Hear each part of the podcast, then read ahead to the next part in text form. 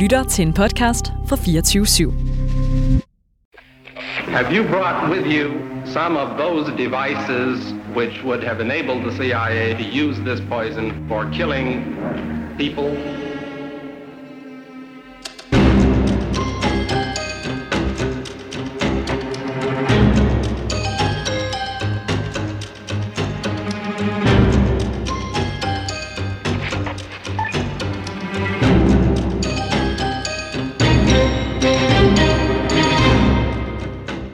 Blev han så spurgt, hvad er det for en opfattelse, du har af den her mand? Jamen, han var slagter. Han stod der og ventede, og så slagtede han. Han, han stod der redan når, når jeg satt i bilen och när paret kom så gick han ut från vägen och gick upp bakom. Så jag uppfattade det som att han stod...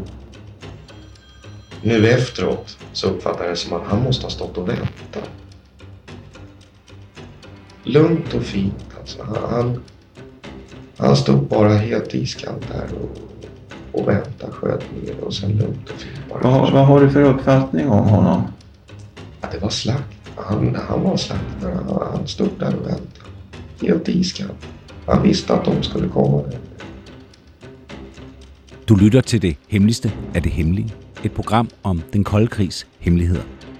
Mit navn er Anders Christiansen, og med i studiet er dokumentarist Christian Kirk Muff.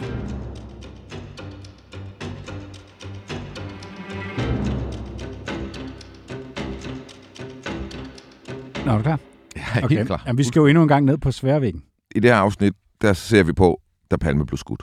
Vi har fået etableret nogle ting, som vi jo godt med hånden på hjertet kan sige, det her det er nu etableret. Det er sket. Det vil vi gerne diskutere, hvis der er nogen, der mener noget andet.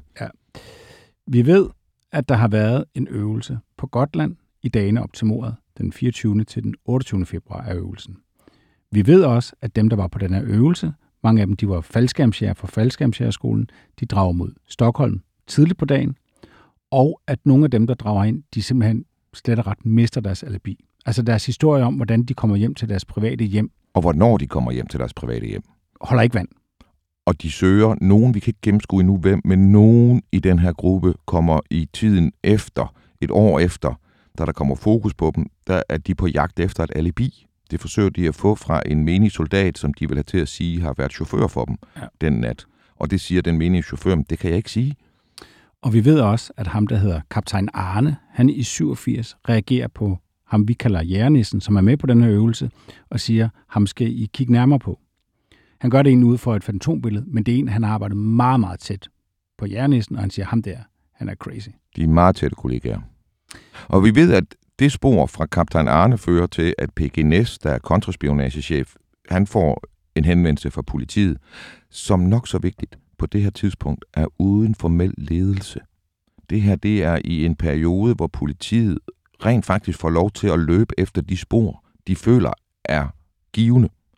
Ja, der taler vi om, om palme efterforskning i årene syv, altså i 87 faktisk. Ja. Altså fra øh, januar 87 og til februar 88, hvor hans Ølvebro træder til efter Ja. ja. hans Der er sådan en mellemliggende periode, hvor det ser ud til, at de rent faktisk arbejder seriøst. Og der er nogle af de her tip, der er kommet ind, som vi skal gå nærmere. Der kan man sige, at de har faktisk gjort sig umage. Ja, der er en periode her, hvor man godt må efterforske mord. Ja. Og, og det fører så til, at de henvender sig til kontraspionagechefen PGNS, som siger, at der er næring i det her spor med jægernissen. Ja. Øh, så, så vi ved, at vi ved, at vi har nogle højt uddannede specialsoldater, der mister deres alibi inde i Stockholm efter at have været på en øvelse. Vi ved, at på den øvelse, der øver de i øh, med brug af våben, som er højst usædvanlige i militær sammenhæng, men giver mening, hvis man er inde i covert operations, altså hemmelige operationer, hvor man bevæger sig rundt blandt civile og skal kunne skjule håndvåben og små maskingeværer og andet, man bruger til krig og operationer inde i byer. Mm-hmm. Og, og øh, så det er nogle meget specifikke soldater, der har øvet nogle meget specifikke ting, som ligner det, der kommer til at ske, da Palme bliver skudt. Eller i hvert fald med våben, der svarer til jo blandt andet det samme våben, der bliver brugt. Øver man også med. Og så ved vi, at efter mordet, der går det hele i kage for efterforskningen. Vi skal ikke gå ned i detaljer, det vil vi brugt lang tid på, men der er ikke styr på en skid. Det hele det virker til at sejle. Men Og vi ved, at soldat, hvad hedder det, betjente, der er forbundet med soldaterne, der har været på øvelse, de kører rundt ind omkring mor og gerningsstedet og opfører sig meget mærkeligt mm. og uigennemskueligt. Mm. Og på trods af det, så ved vi også, at den øverste ledelse, altså dem, der bliver kontaktet af politibetjente og efterretningsfolk, der vil hjælpe, at der er åbenbart nogen der, der allerede ved, at der ikke er tale om et form for statskup eller en politisk handling eller noget som helst. Et angreb for Rusland. Ja. Det ved man allerede en halv time efter mordet er sket. Der har de fået overblikket, der gør, at de føler ikke, at de skal gøre noget større ud af det her. Mm. Altså, det er jo forfærdeligt, at det er statsministeren, der er død, men der er ikke nogen øh, eksterne onde kræfter på spil. Nej. Det ved man efter en halv time. Og der er faktisk flere meget, meget kompetente folk, der melder sig i tjeneste, men som egentlig bare bliver, bliver sendt væk igen. Ja. Og så ved vi også en, øh, en sidste ting, det er, at der er kommet helt utrolig mange tips ind til politiet fra folk, der har set folk med walkie-talkier eller radioudstyr eller lignende i øh, tiden op til mordet, i dagene op til mordet, og faktisk også lidt i tiden efter. Og det førte til to, så vidt vi kan se, to analyser. Den ene er foretaget af SAPO i 86. Den konkluderer, at det ser ud til, at palmeparet har været overvåget. Og en i 17, som konkluderer stort set det samme, at palmeparet, ud fra alle de her tips, der er kommet, sandsynligvis har været overvåget. Ja. Men skal vi kigge lidt nærmere på, hvad det egentlig er, de kigger på, når de laver de her analyser? Ja, og hvad det egentlig er for et mor. Altså, hvad, hvad, hvad er det for en gerning, der udføres i de sekunder? Og hvordan bliver den beskrevet af dem, der ser det? Lad os starte med et af de helt centrale vidneudsagn. Det er ham, der hedder Inge M. Inge Morelius. Vi kan godt sige hans fulde navn, det behøver ikke være nogen hemmelighed. Han er musiklærer, og det er ham, der holder i sin bil over på den anden side af krydset. Faktisk sådan diagonalt modsat der, hvor Palme bliver skudt. Han sidder i bilen og kigger over på morstedet, mens at hans øh, passager i bilen er ude for at hæve penge. Han har kørt på sværvæggen op imod Grandbiografen. Så har han drejet til venstre ned af Tunnelgatan.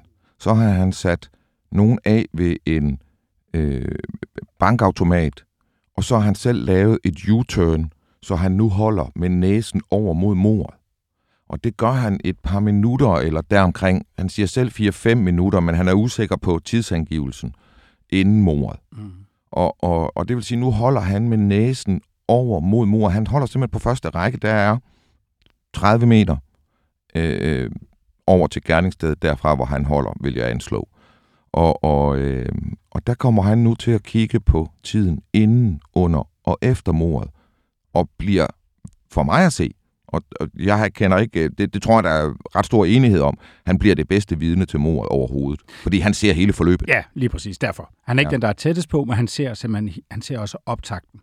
Og lad os prøve at høre, hvad han siger, når han bliver afhørt i marts 86. Og det er den første lange afhøring af ham. Altså han melder ind øh, morgenen efter, der er der en kort afhøring, og så er der en længere afhøring i, i marts. Og der fortæller han således her. Han, han stod der redan når, når jeg satt i bilen och när paret kom så gick han ut från vägen och gick upp bakom. Så jag uppfattade det som att han stod... Nu efteråt så uppfattade jag det som att han måste ha stått och väntat.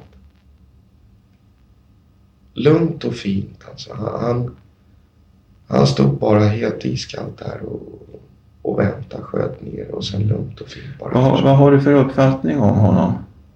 Ja, det var slakt. Han, han var slaktare. Han, han stod där och väntade. Helt iskallt. Han visste att de skulle komma den vägen. Så Inge Morelius beskriver, at han ser en mand, der står med ryggen ind til Dekorima.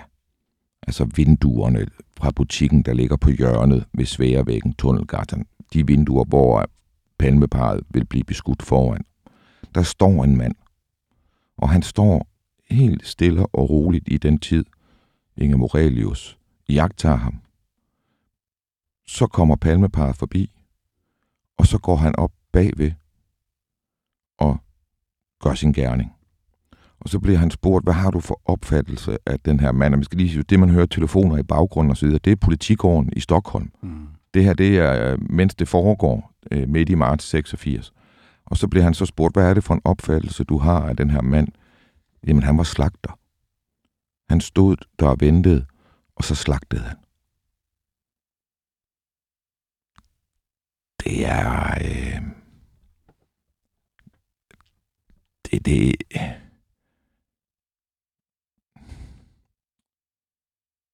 det vidneudsagn, det skal man jo have til at stemme med teorien om Stig Engstrøm. Det vidneudsagn, det skal man have til at stemme med teorien om Christa Petersen. Mm. Så i den ene version, hvis det er Christa Petersen, så manden Morelius ser stå i lungt og fint, stille og roligt. Det er altså en stofmisbruger, der er påvirket. Det er en fredag aften. Det er det, han laver. Og, og, øh, og nu træder han så lungt og fint frem, og så udfører han en slagtning og forsvinder. Det, det er ikke... Øh, altså, jeg kunne forestille mig Christa Petersen som morder, og det har han jo været tidligere i sit liv i 70'erne, men der er det en oprevet mand, der er ude af sig selv, som har mistet koncepterne, som begår et mor i affekt. Og hvis man skal få mig til at tro på, at Christa Petersen, han har skudt Olof Palme, så skulle det her vidneudsagn have sagt, at der stod en mand og trippede på stedet, slog hovedet lidt ind i ruden, og pludselig så gik han frem mod et par, og så skød han dem, mens han fægtede med armene. Altså, det, det er faktisk det stik modsatte af det, Inger Morelius siger. Og hvis det her det skulle passe med Stig Engstrøm, så er der noget tid, der lige pludselig ikke giver mening, og så er der noget viden hos Stig Engstrøm, der heller ikke giver viden, der giver mening. Fordi hvorfor skulle Engstrøm, hvis han kom ud før palmeparet? Altså før de går forbi. Og han er foran dem. Hvorfor skulle han så stille sig ind og begynde at vente? Og så træde frem, og så slagte dem? Altså, teorien om Stig Engstrøm, som den bliver fremført af politiet, den er jo, at han kommer op bag ved dem, da han er kommet ud, uden at stå og vente, for ellers så passer tiden ikke. Og så er det jo en mand, som, som griber chancen. Som, du ved, i en taske har en kæmpe stor pistol, han trækker frem. Ja, som er lidt længere end tasken. Ja, præcis. Øh, øh, som faktisk ikke kan være nede i tasken. Øh, og, og, øh, og, og det passer jo bare heller ikke. Altså, pengene passer ikke i de officielle... Det er jo Inger Morelius siger, så passer pengene ikke i forhold til de teorier, som politiet er gået frem med offentligt detaljeret. Skal vi ikke lige høre lidt mere om, hvordan øh, Morelius han beskriver øh, mordet? Fordi vi har også fået nogle optagelser, da han vidner. Øh, det må være i sagen mod Christa Petersen. Han går upp bakom, lägger vänster hand på mannens axel, tar upp handen ur fickan och det smäller två skott i ganska snabb följd. Den morder, Inger Morelius ser, træder op bag palmeparet. Så lægger han sin venstre arm på venstre skulder af Palme. Mm. Og så trækker han op fra sin lomme den her revolver, og så smelter det, siger Inger Morelius, to gange. Og, og jeg vil sige, det her med, at han lægger armen på skulderen, er jeg, det er der ikke alle, der har, ikke alle vidner, der ser det her, der bemærker det og, og har, har gjort det til en iagttagelse. Men det er Inger Morelius meget klar omkring, og det er jo, han ser det jo netop fra siden på en måde, der gør, at han kan se den arm gå op. Hvis du er sådan lidt skråt bagfra eller skråt fra, fra, forfra, så vil du ikke nødvendigvis se den arm gå op på skulderen. Og den er for mig vigtig. Fordi det, der sker med den arm, det er, at morderen får Palme trykket ned på hælene. Nu står Palme ned. Han er ikke ved at, sådan at, du ved, ved at gå, øh, og så, når man går, så løfter man sig jo også nogle få sekunder. Morderen har helt styr på ham. Mm. Så når han nu skal placere det skud, det ene skud, som rammer lige præcis på den 5 kroner, hvor du er sikker på at dræbe. Ikke i hovedet, som man vil gøre, hvis man troede, at man skulle være sikker på at dræbe. Men hvis man ved, hvordan man er sikker på at dræbe, så placerer man den der. Og, og det er det, han gør. Sammen med øh, Anders B., det er ham, der går lige bagved mm. øh, palmeparet, så er Inge M. og Anders B. jo nok dem, der har det bedste vidneudsagn i forhold til, da mordet sker. Ja. Og det, de er enige om, det er i hvert fald, at øh, palmeparet og morderen står sammen. Der er en eller anden samhørighed Ja. i nogle sekunder. Øh, øh, Anders B. bliver jo sådan lidt i tvivl om, hvorvidt det er et selskab. Altså, hvorvidt de rent faktisk er sammen. Ja. Og så lige pludselig er der en i det her tremandsselskab, der trækker en pistol. Ja. Øh, Hvad hedder det? Inger Morelius har fornemmelsen af, at da manden træder frem, der bremser Palme lidt. Således at, at de er stadigvæk arm i arm, men, men øh, Lisbeth kommer sådan ligesom et halvt skridt foran. Så du ved, der, der, der er ligesom om, måske siger han noget, manden, der træder frem. Måske spørger han Palme, gør et eller andet, som Palme reagerer på. Og så op bagpå og armen på skulderen. Og det kan være, det kan være den lille interaktion, som Anders Bjørkman forveksler med, at de er sammen. Altså, mm. det er jo ikke... Øh, Bjørkman har været i byen, han er ikke sådan sønderligt påvirket. Øh, han kan godt huske, hvad der er sket, men, men det er halvmørkt. Det her det er jo ikke noget, du er opmærksom på, du skal lægge mærke til, før efter der er sket noget. Så, så det her med... Lad mig sige det sådan, med alt det, jeg har læst om det her, så virker det til, at det er Inger Morelius' version, der kommer tættest på det, som der er flest mulige andre, der kan underbygge dele af. De dele, de har set. Ikke? Mm. Der er ikke nogen, der på samme måde kan underbygge et helt forløb, mm. som Inge Morelius. Og så har Anders B., altså Bjørkman og Morelius, begge to fortalt, at den morder, de ser, han har en strikket møsser, altså en strikhue på. Øh, det siger de begge to. Øh, Anders B., han bliver bedt om at tegne den, og den ligner faktisk den, som Inge Morelius øh, nævner, fordi han refererer til Jack Nicholson i Gøreden. Præcis. Han hade, som jag uppfattade från där jag satt, så hade han en stickad mössa som var neddragen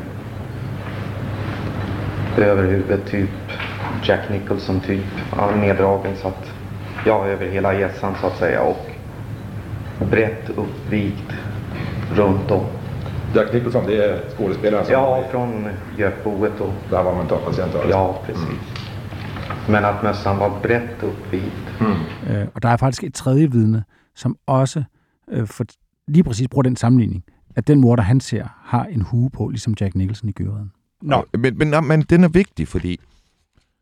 Eller, nu er vi jo tilbage, nu skal vi jo huske tilbage på det program, vi lavede med Ulrik her for nylig, med Ulrik Skotte. Mm. Altså, nu siger jeg, at den er vigtig.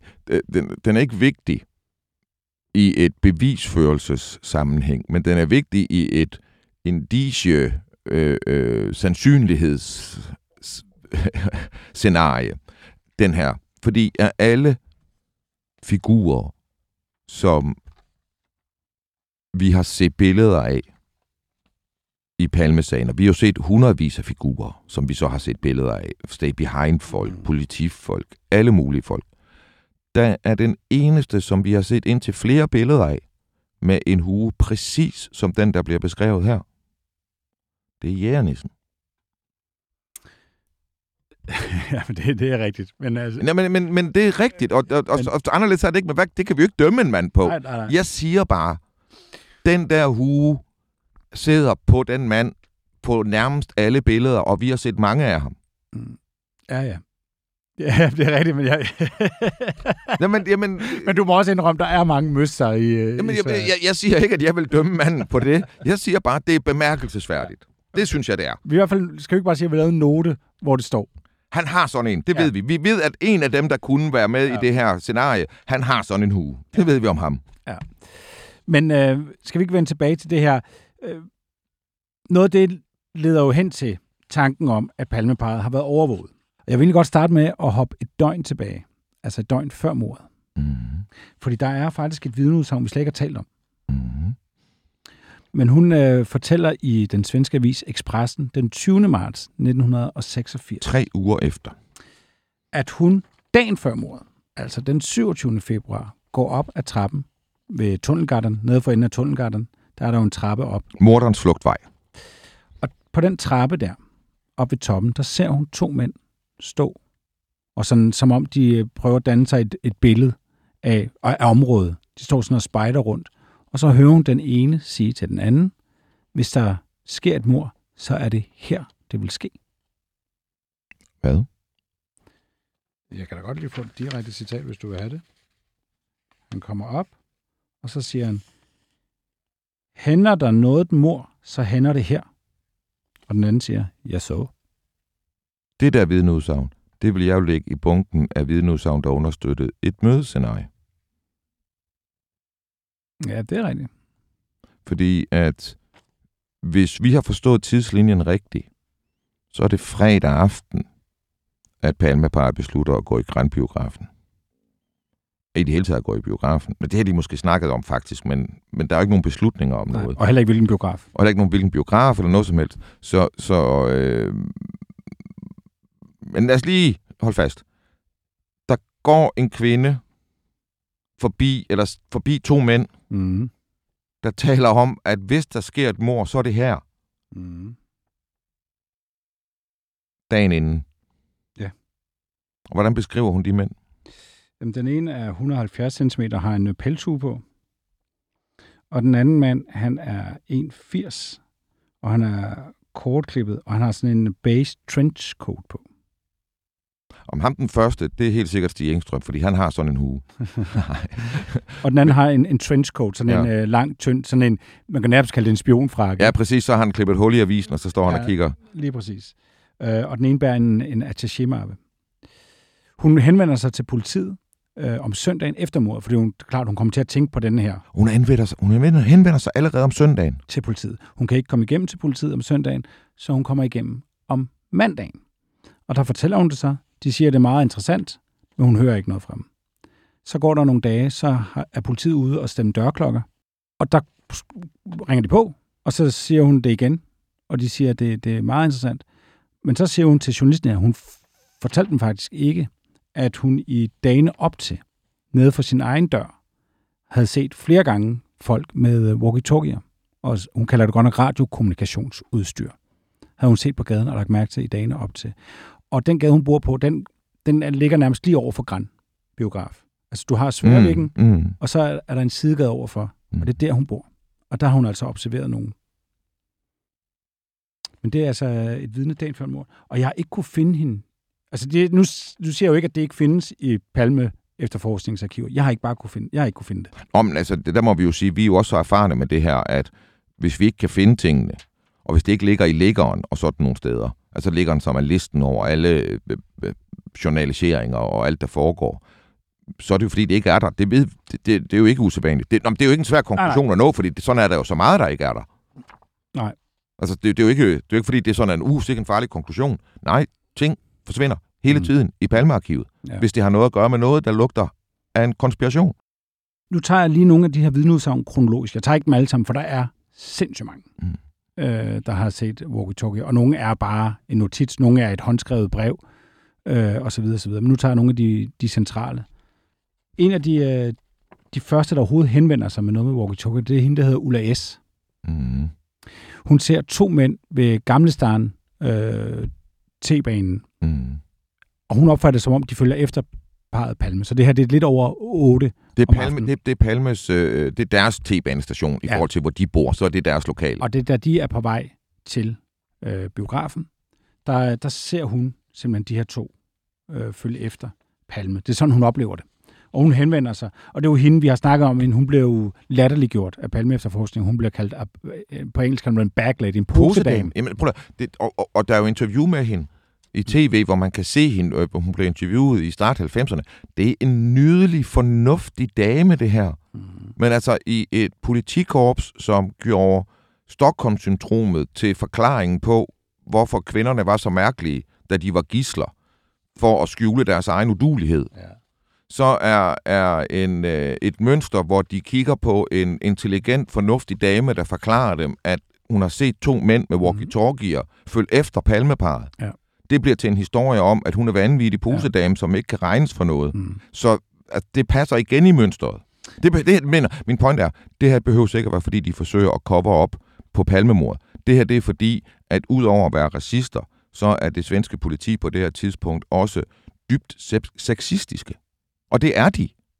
Det vender vi faktisk tilbage til. Øh, men du kan faktisk godt have en pointe der. Jamen 100, det er de, det kan vi jo se. Altså, men, ja. Mm.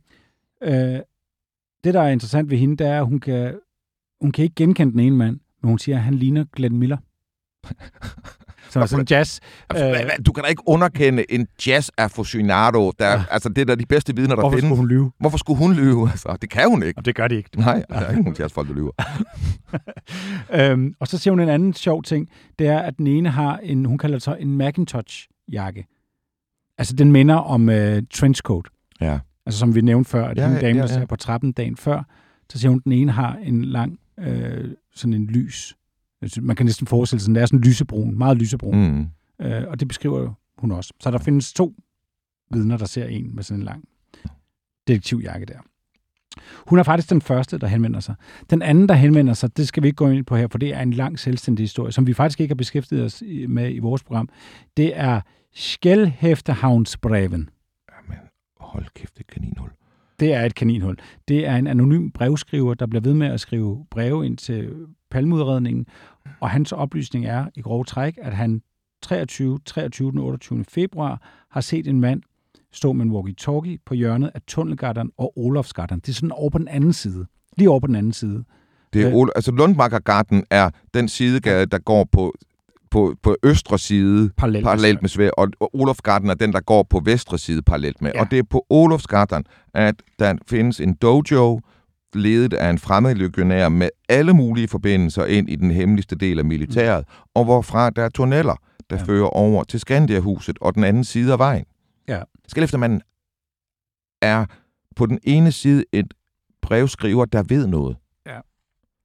Men, men hvem det er, og hvorfor det foregår på den måde, og hvorfor brevene bliver, som de bliver over tid, er svært at gennemskue øh, og forstå, og derfor bruger vi det ikke til noget. Det er lidt ligesom med det svenske træ. Ja. Altså, hvis, hvis det bliver for skørt, så kan det være nok så sandsynligt, og det kan passe nok så godt ind. Ja. Men, men vi skal passe på med, når vi skal have folk til at acceptere det, vi ser her i Palmemorden, mm. så skal vi passe på, at vi ikke beder folk om at gabe over for meget. Og plus, det mangler jo også, at han står frem. Ja, det er, det er altså, præcis. Og, og det er mig, og jeg har set det her. De andre vidner står trods alt frem og lægger deres navn. Og, Og så kan vi undersøge dem. Det her, det kan være en KGB-agent, der er i gang med at, at lave desinformation. og så er der et tredje tip, øh, som kommer ind ret hurtigt. Det er den øh, 7. marts 86. Det her tip, det kender vi kun fra lydoptagelser fra Palmerummet. Altså Palme efterforskningens møder bliver optaget, og øh, der kan man så høre, og det er så den sene Palme efterforskning, der de laver walkie-talkie- walkie-talkie-analysen i 17. Der sidder de og hører nogle af de her bånd igennem. Og der kan de høre, at de taler om et walkie-talkie-tip, øh, som skulle handle om fire personer, der var indblandet i mordet, som kommunikerede med walkie-talkie. Og når man hører lydindspilningen, så kan man høre, at de sidder og vifter med papir. Man kan høre lyden af papir. Det, de siger, når de rasler med papiret på den optagelsen fra 86, det er, tippet kom ind på sådan et stykke papir. Ja. Det vil sige, det her var et skriftligt tip. Mm-hmm. Et brev, der blev afleveret til dem. Men, skriver den sene Palme efterforskning i 17, det aktuelle tip kan vi ikke finde. Det her, det lå allerede færdig trygt til at blive journaliseret. Mm. Ikke? Og det er væk. Det er væk. Og, det, og den er vigtig, fordi det er fire mand, der bliver set. Ja. De, og andre observationer ser en eller to. Men her ser vi måske gruppen, inden den splitter sig ud, eller vi ser en delgruppe. Ja. Og vi skal også bare lige minde om, at det tip, som vi også bygger en del af vores teori på, den her med, at der har været en kupsforsvarsøvelse, øh, der handler om, at man skulle komme fra landet og trænge ind til Stockholm og likvidere vigtige informationsbær. Det er jo også et tip, der er forsvundet, men som man kun har fået via, at man hører de gamle lydoptagelser. Og det er fra samme måned, marts 86. Så vi har to helt centrale. Den ene siger, der er nogen, der kommer ud fra Sverige. Det er en øvelse, man laver militært. En lille gruppe specialsoldater kommer ud fra skovene, skal trænge ind i Stockholm. Stockholm er besat i den her øvelse af Rusland, og nu skal man dræbe en forræder. Det er også forsvundet. Og vi ved jo desværre, at øh, den sene palme efterforskninger har jo fundet ud af, at Hans Holmer, den første efterforskningsleder, han har destrueret rigtig meget materiale, og at øh, da han dør, så går der nogle år, så hans enke kommer ind med noget materiale, som var ikke var journaliseret, men som hans Holmer har haft liggende derhjemme.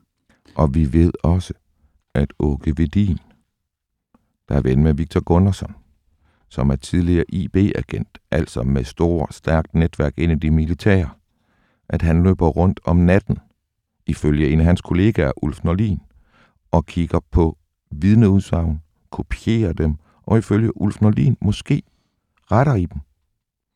Så der foregår mange ting. Altså det her, det foregik i de første uger efter Palmemord. Der var der så mange indbrud om natten i Palmegruppen, at de skiftede nøgler. Mm.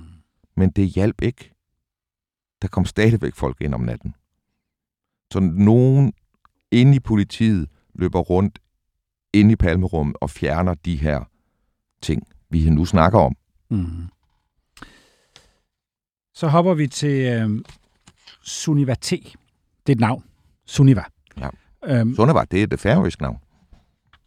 Hun har haft et øh, middagsselskab. Hun mener, at gæsterne går kvart i 11. Og så efter hun lige har ryddet lidt til side og så videre, så sætter hun sig i, i vinduet og kigger ned på gaden. Og der ser hun en mand i en politibil. Øh, døren er åben, men hun kan se, at han sidder med noget radioudstyr, og han sidder i overalls. Og hun sidder i det, der hedder, den gade, der hedder Drottningengatan. Og hvis jeg ikke tager meget fejl, så er den ligesom Olofsgatan, bare lidt længere væk, en parallelgade ja. til Sværvæggen, men ja. to eller tre blokke længere ned. Ja, et par hundrede meter nede. Øh, øh. Og hun mener, at tidspunktet må være lidt over 11. Og lige pludselig så, efter han har snakket i sin, sin radio, så kører han hurtigt væk. Manden i overalls. I en, det, hun siger, er en politibil. Ja. Politiet har faktisk undersøgt det her tip rigtig meget. Og det gør de i den periode, vi snakker om før, hvor man godt måtte efterforske mordet, altså i hele 87 og så ind til starten af 88. Og der kommer det her souvenisme ind, fordi hun siger, det er en politibil, den er nok en Volvo, og hun siger, det er en af de gamle, hun siger, den er sort-hvid. De afhører så meget om, hvor god, god er hun til at genkende biler. Jeg skal lige sige, når du siger, at den der bil er så gammel, den er sort-hvid, så er det fordi, altså det er ikke fordi, man ser i sort det er fordi bilerne var malet sort-hvide, politibilerne var sort og hvide, ja. indtil man ændrede farven på dem. Ja, så de blev, fik blå og gule ja. øh, farver på. Ja. I den her periode i 86, der har man på gaden begge dele. Ja. Øh, man har begge typer politibilkørende. Mm. Mm. De finder ud af, at der har ikke været nogen officielle politibiler i det her område på det her tidspunkt, men at der har været et, øh, et sikkerhedsfirma, et vagtværn, der kører rundt, nogle vægtere, øh, som kører rundt i nogle biler, der kunne ligne de svenske politibiler. Og de schusser frem til, at det måske kunne være en af dem, uden præcis at kunne sige, at det har været en af dem. Og derfor så gør de faktisk ikke mere ved det. Men det, der er problemet, og der er også noget, Grænsningskommissionen siger, det er, at det er simpelthen forkastet for tidligt, fordi hun specifikt jo siger, at det er en af de gamle politibiler, hun ser. Og det her vagtfirma, de har nogle biler, der kunne ligne de nye, altså blå og gule mm. politibiler. Mm. Så Grænsningskommissionen kommer faktisk med en hård kritik af, at selvom de egentlig har gjort meget. Og de har også, du ved, de har fandme lavet meget med det her tip, fordi en af gæsterne siger, at han går en time senere, han siger, at han først går kl. 12. Øh, og så har de undersøgt, fordi han går forbi grænbiografer, der siger han, der er lys. Men der har de været nede og tjekke, hvornår slukker I lyset i græn, og det gør de faktisk tidligere, så han må tage fejl. Han må mm. gå en time mm. tidligere, end han siger. Og øh, han er jo gået lige forbi morpladsen, og han har ikke set noget politi. Men hvis han går forbi morpladsen klokken midnat, så har der nok været spærret af, og der har nok været nogle politibiler, der har holdt der. Plus, at det her det er en god anledning til os lige at stoppe op og så snakke om det her med vidner.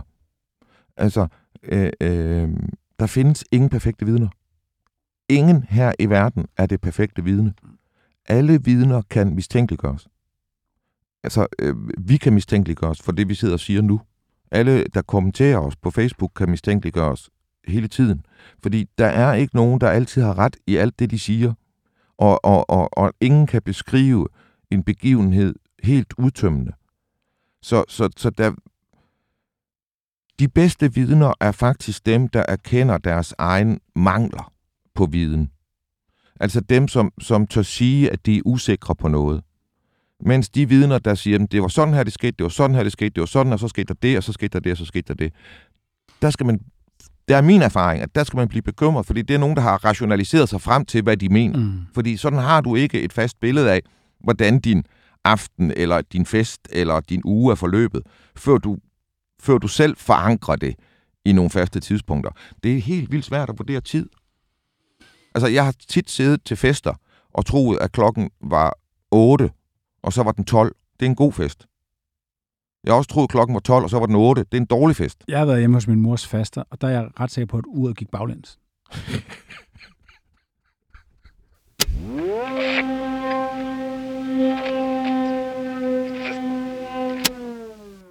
Vi tager altså lige nogle flere vidner. Ja, ja. Øhm, der findes et øh, ægteparet Prim. De har været til, øh, de har været til bingo. Og det er de meget, meget tæt på morstedet. Øhm, og, og manden, øh, han fortæller til, til politiet ret kort tid efter, øh, at, øh, at han kommer ud, og så ser han en mand gå væk fra morpladsen med en walkie-talkie. Ja, när vi, vi var på väg till bilen så uh, gick det en kille förbi mig med en uh, sån här kommunikationsradio. Ja. Vi var på ganska nära avstånd från varandra. Den, det var en liten uh, röd plastknopp på uh, översidan av antennen. Mm. Det kan det inte ha varit en, en vanlig radio, en freestyle? Eller nej, radio? nej, nej. Det ser jag skillnad på. Det er du sikker Ja, oh ja. Han, han går væk i retning væk fra Murpladsen, og så op ad øh, sværvæggen. Ja, nordpå. Nordpå.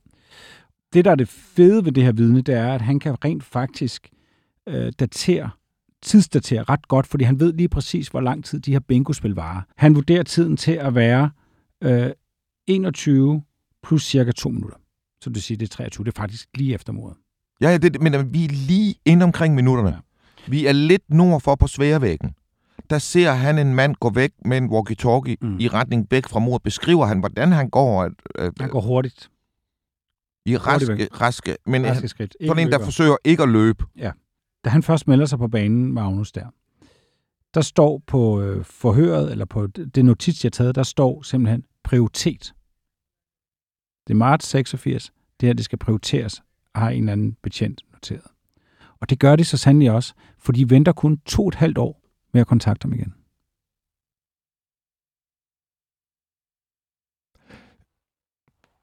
Der går to et halvt år fra, at de har noteret sig det her vidneudsagn.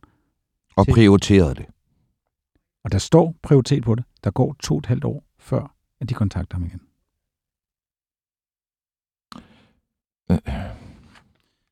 Det, der nogle gange gør det svært at arbejde med det her, Anders, det, det, det, er jo, det er jo det her med, at når man også skal forklare folk, at det er jo ikke sådan, at vi tænker, der, det er jo ikke, fordi der er en rygende pistol, vel? Mm. Altså, det har vi jo ikke. Men, men hele gården er i brand. Men folk vil have en rygende pistol. Men vi siger, alt brænder. Altså, det her alene, bare det her forhold, ikke, er jo dybt, dybt, dybt, dybt, dybt kritisabelt. Ikke? Men hvor mange, hvor mange eksempler på det her mener du, vi vil kunne trække frem? Jeg kan jo øh, bruge Grænsningskommissionens ord.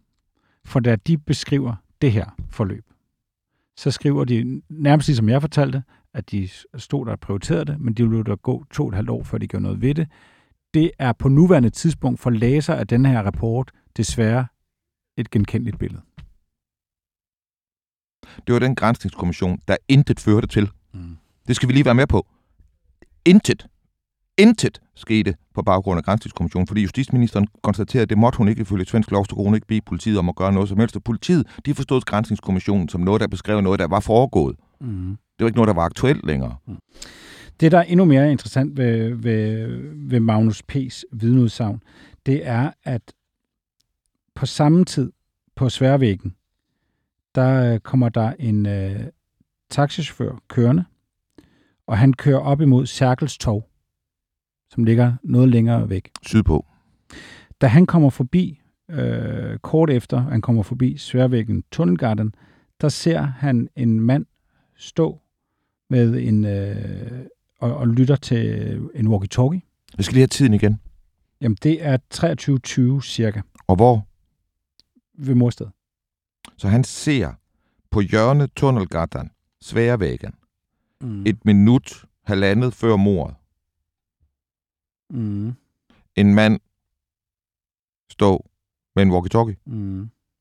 Han siger til øh, han siger til sine passagerer, når der er nok nogle civil, noget civilpoliti derude på arbejde. Det siger han til passagererne? Ja. Passagererne kan ikke huske, manden har sagt. Men de siger ikke, at han ikke har sagt det. Og der er meget lang øh, debat om, hvor fulde har de her passagerer været.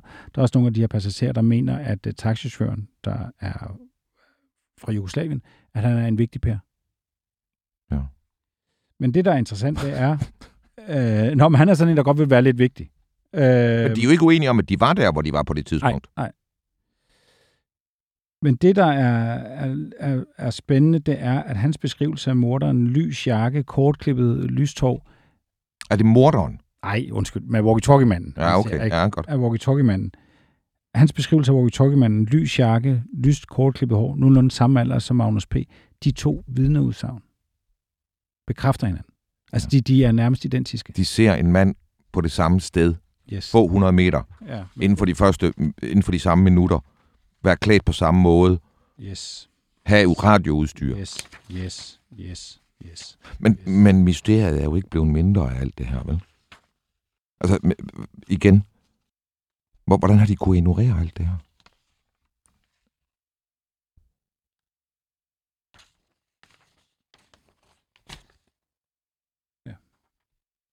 Skal vi lige tage et sidste? Ja. Fordi det her det er også omstridt. Men jeg synes ikke, at de går at bortforklare, som man vil sige i, øh, på svensk. Nå, men alt, der peger på det, vi kigger på og, og prøver at bevise, det er jo omstridt, fordi at det er der jo ikke nogen i systemet, der kan acceptere. Så det er jo i sagens natur. Det her, det er de to øh, finske kvinder, Anki og Anneli, som jo i øh, starten af 90'erne, i 92, medvirker i en avisartikel. Modstræbende, skal det siges. Det er en journalist, der har jagtet det. Han har omvej hørt, at der er to finske kvinder, der har haft en oplevelse, og han har brugt lang tid på at finde frem til dem. Og han får dem til at stå frem. Og modstræbende lader de så også efterfølgende afhøre. Den ene er lidt mere villig til det, og den anden har virkelig ikke lyst til det. Og der er faktisk sket det, at i den mellemliggende periode, at kvinderne blev uvenner over et eller andet privat. Så, så de ses ikke øh, mere. Jamen, jeg må lige, lige faktisk forstå, at de har været så modvillige mod at kontakte politiet, og de er så modvillige, når journalisten kontakter dem. Så er det jo fordi, de er bange for det, de har set, og det, de skal sige. Ja. Altså, det, det er jo ikke fordi, de tænker, at vi gider ikke have noget med det her at gøre. Nej. Det er fordi, de er hunderej, hun, hunderej for, hvad konsekvenserne er, hvis de siger, hvad de har set. Noget af det, som man har gjort for ikke at tage dem alvorligt, det er dels at kritisere, at der er gået så lang tid. Og dels, at de er uenige om, hvilken film de har set i biografen. Men der skal man så tænke på, at det er jo så seks år imellem, at de er i biografen, og så snakker med, med journalisten.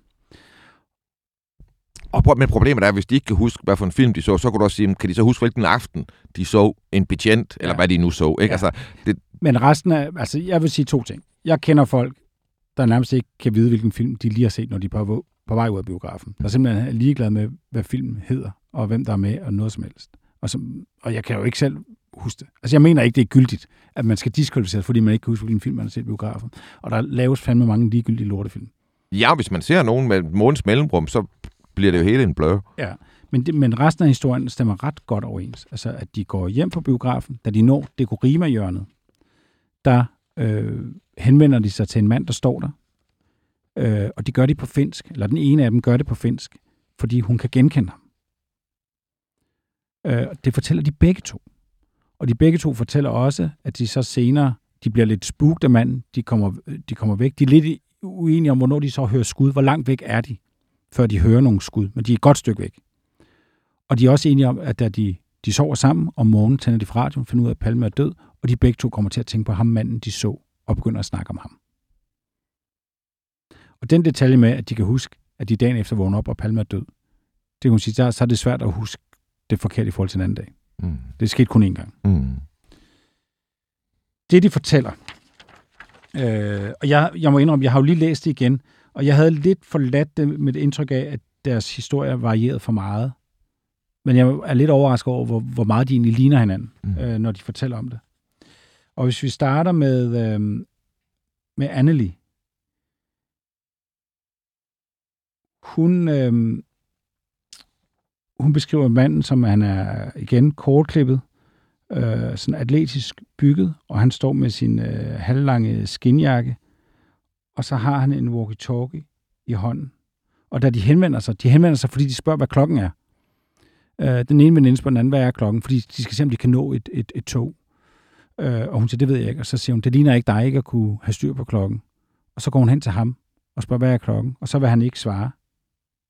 Og så bliver hun sur og siger, hvorfor fanden kan du ikke svare på, hvad klokken er? Og så siger han i, i walkie-talkien, jeg er genkendt.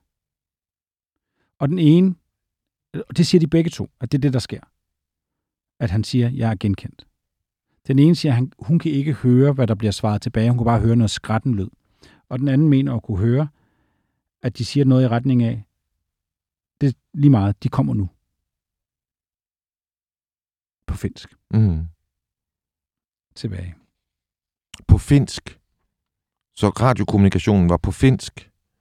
Manden taler finsk. Der står faktisk ikke, hvad den anden, altså hvad de taler tilbage. Men han siger på finsk, jeg er genkendt. Manden stod i krydsning af Sværvæggen Olof øh, Palmeskatten. Det hedder Tunnelgarten jo nu. Ja. Øhm, og Anki, hun spurgte på finsk, hvad klokken var. Han blev mærkelig og nervøs, og han stod der bare. Anki viser, øh, hvordan manden stod med armene i kors. Hun synes, det var mærkeligt, og hun blev irriteret over, at han ikke kunne svare, hvad klokken var. Han siger, at hun fik et mærkeligt blik fra ham, altså de, et, et hadsk blik. Det siger de begge to. Han, de husker begge to hans øjne som mega onde. Mm. Øhm, Pr- præcis da de gik, kom hen til ham, så tog han walkie-talkie i hånden, og hun begyndte at blive, øh, blive bange. Og han siger på finsk, jeg er blevet genkendt. Og hun kan så ikke høre, hvad der bliver svaret. Den anden mener så, at hun kan høre det her med, at de kommer nu. Og så går kvinderne videre. Og så går de videre. Hører de skuddet? Hun siger, at hun hører to kraftige smæld, og det er, da de har passeret Kungsgatan. Så de Men hun, er ikke, men hun er ikke helt sikker på det. Men hvis vi bare forholder os til det, du har sagt nu, så har vi altså to kvinder, der ser en nordisk mand, der taler finsk. Mm.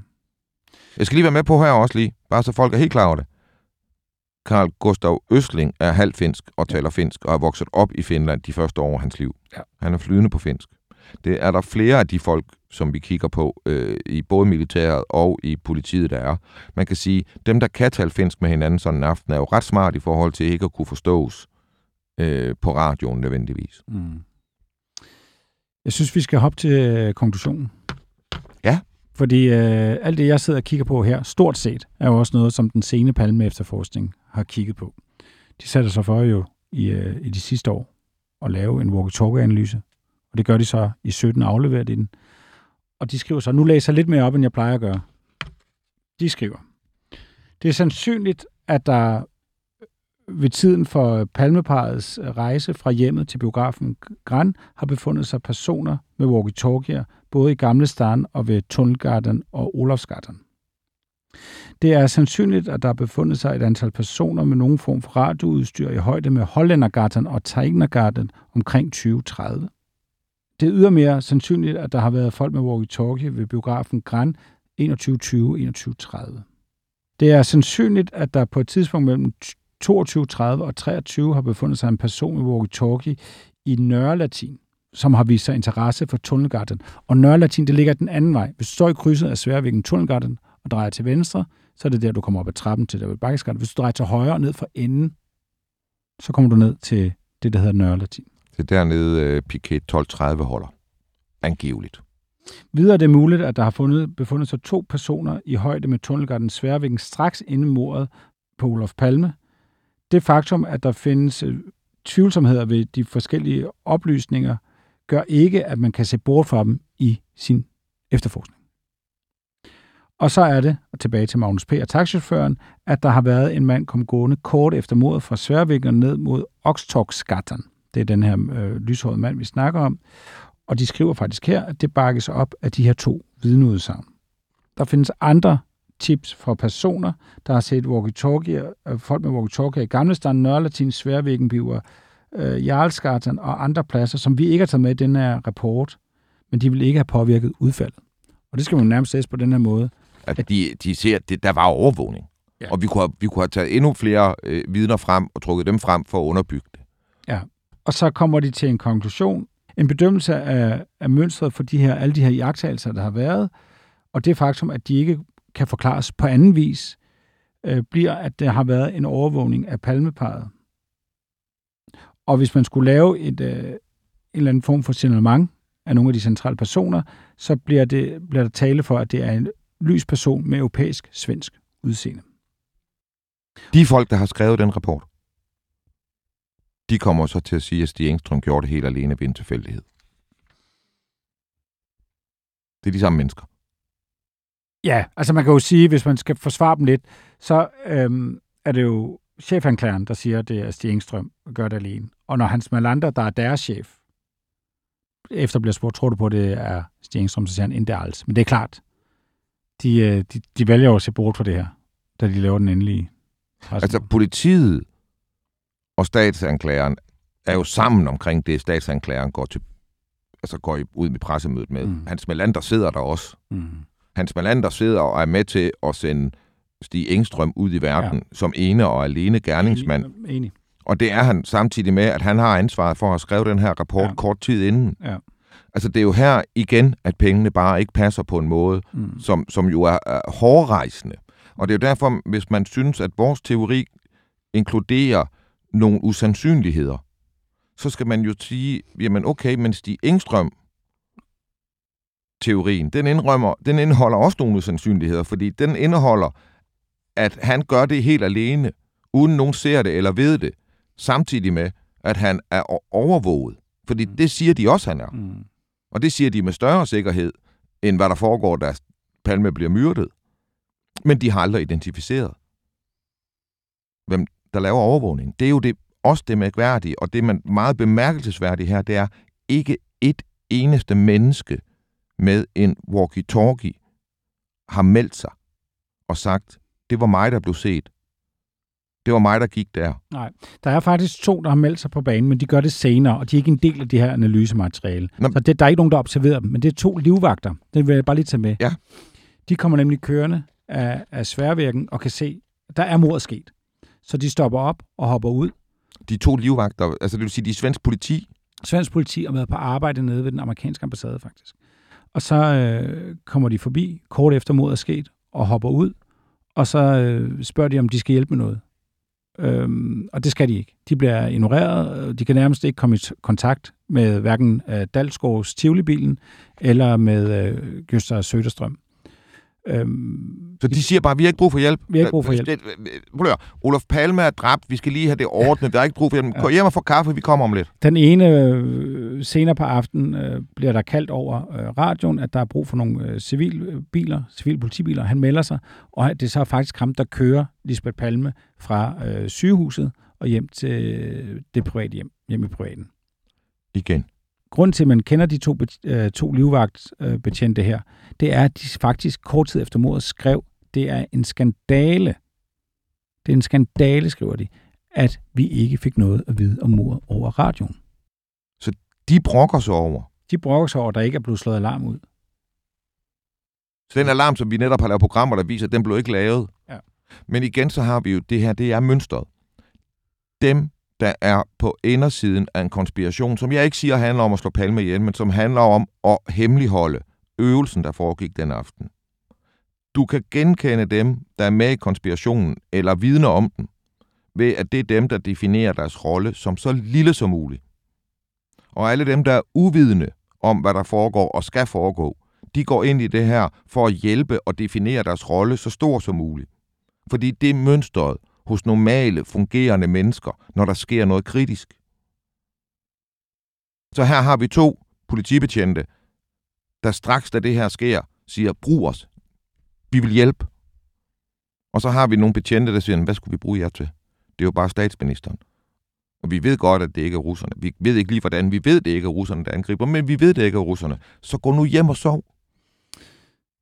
Det, som vi jo, øh, jo prøver at sige med alt det her, det er, at vi ved, den her øvelse er foregået på Gotland. Vi har en tese om, at den er fortsat i Stockholm.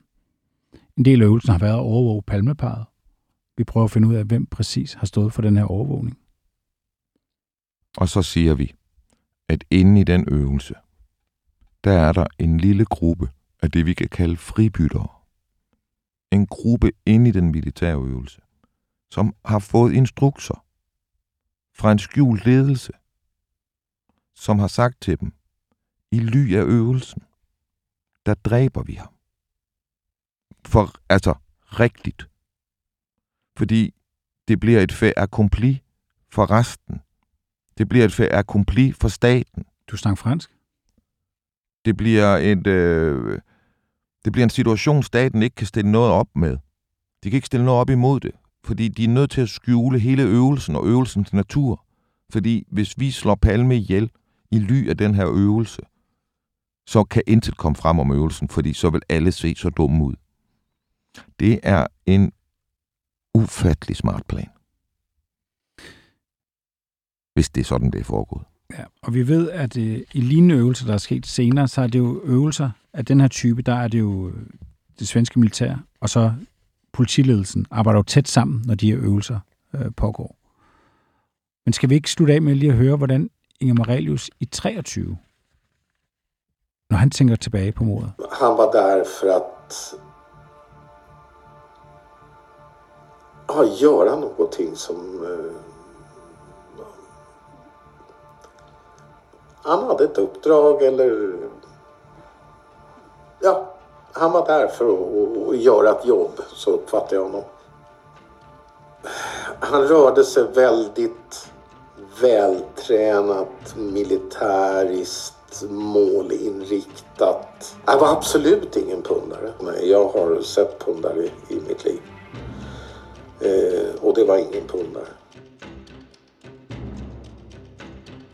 Hvis du skulle have lyst til at opleve Christian Kirk Muff og undertegnet i levende liv, hvor vi taler om mordet på Olof Palme, så vil jeg gøre opmærksom på, at der stadig er billetter til et foredrag, som vi holder den 19. februar i København.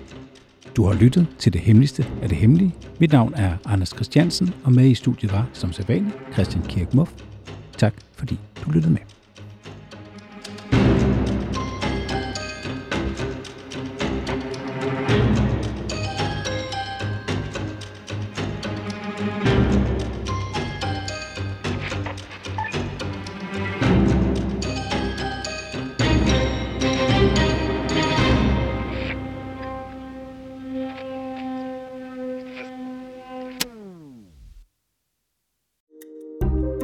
Kære lytter, du har lyttet til et program fra 24 /7. Du kan finde meget mere modig, nysgerrig og magtkritisk taleradio på 24 7 appen Hent den i App Store og Google Play.